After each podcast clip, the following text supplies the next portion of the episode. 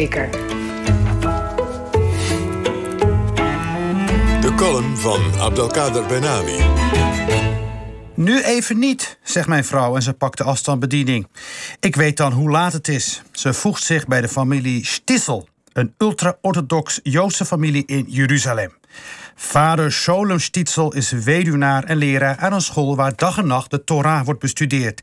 En zoon Akiva is getrouwd met een vrouw die al een huwelijk achter de rug heeft. De familie spreekt er schande van, maar Akiva droomt van kunstenaarschap en hij werpt zich op de schilderkunst. Deze Israëlische slow show, soap is fictie, maar gebaseerd op de orthodoxe levensstijl van orthodoxe Joden in Jeruzalem. Een wereld zonder internet, zonder disco, zonder homohuwelijk. Kortom, een wereld zonder moderniteit. Mijn vrouw is niet de enige Marokkaan die aan deze Netflix-serie verslaafd is. Een, goede vriend die bij mij kwam eten, schrokte snel zijn bord leeg. Van waar die haast, broeder? vroeg ik. Het derde seizoen van Stitzel is beschikbaar gekomen. Mijn vriend draagt snelle schoenen en houdt van mooie vrouwen. Dus wat trekt hem zo aan in die wereld van de lange zwarte jassen, vrouwen met pruiken op en de hele dag beren tot God? Man, zegt hij, het is net onze familie. De roddels en achterklap, het stiekeme gedoe. Welk stiekem gedoe? Dat het, als het om je huwelijkspartner gaat, je niets te kiezen hebt. Dat je vader plaatsvervanger van God is op aarde.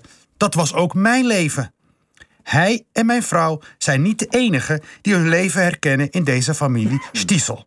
Honderden Marokkaanse Nederlanders binge-watchen deze serie. Ze kijken naar hun eigen leven. Een wereld gedomineerd door tradities en wetmatigheden. Een wereld die zich maar lastig verhoudt tot de moderniteit. Zoals we afgelopen week in de Bijbelbelt hebben gezien, waar orthodoxe protestanten ongelovige journalisten terugschopten naar Hilversum. De familie Sietsel staat voor een wereld die waar we ooit bewoner van waren, maar geen inwoner meer van zijn. Wij, kinderen van de wet. We groeiden op met een strenge vader die het allemaal goed bedoelde, net als Sholem.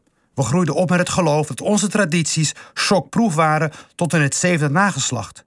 We groeiden op met de gedachte dat we onze partner niet zelf konden kiezen en dat het niet aan ons was om Gods plan te betwisten. En ergens, nu we ouder zijn en wijzer zijn en kinderen hebben en soms vertwijfeld omhoog kijken, wanneer we het ook niet meer weten en prevelen: O God, o God, o God, waarom heeft u mij verlaten? Want nu zit ik hier met die stinkende luiers. Dan is er iets van klein, piepklein verlangen naar die zalige tijd dat we geen autonomie hadden. Dat we ja en amen hoefden te zeggen en we kregen ons dagelijks brood. Dat vader en moeder ons alles waren. Dat alles kortom in kannen en kruiken was met Gods zegen erop en verder niets. Maar die tijd, die is voorbij. Dus binge-watchen we ons suf aan deze komedie van menselijk onvermogen in een orthodoxe familie en laten we een traan om Akiva. En dat het een orthodox-Joodse familie is, dat maakt dan niks uit, want alle religieuze families lijken op elkaar. Als God je handel en wandel bepaalt, dan zit je altijd thuis. Zalig Pasen. Ja, Abdelkader, dankjewel. Prachtig hoe je eigenlijk dan in met Pasen drie wereldreligies en hun vermogen om autonomie voor ons af te nemen en dat in hun handen te leggen even bij elkaar legt. Dankjewel.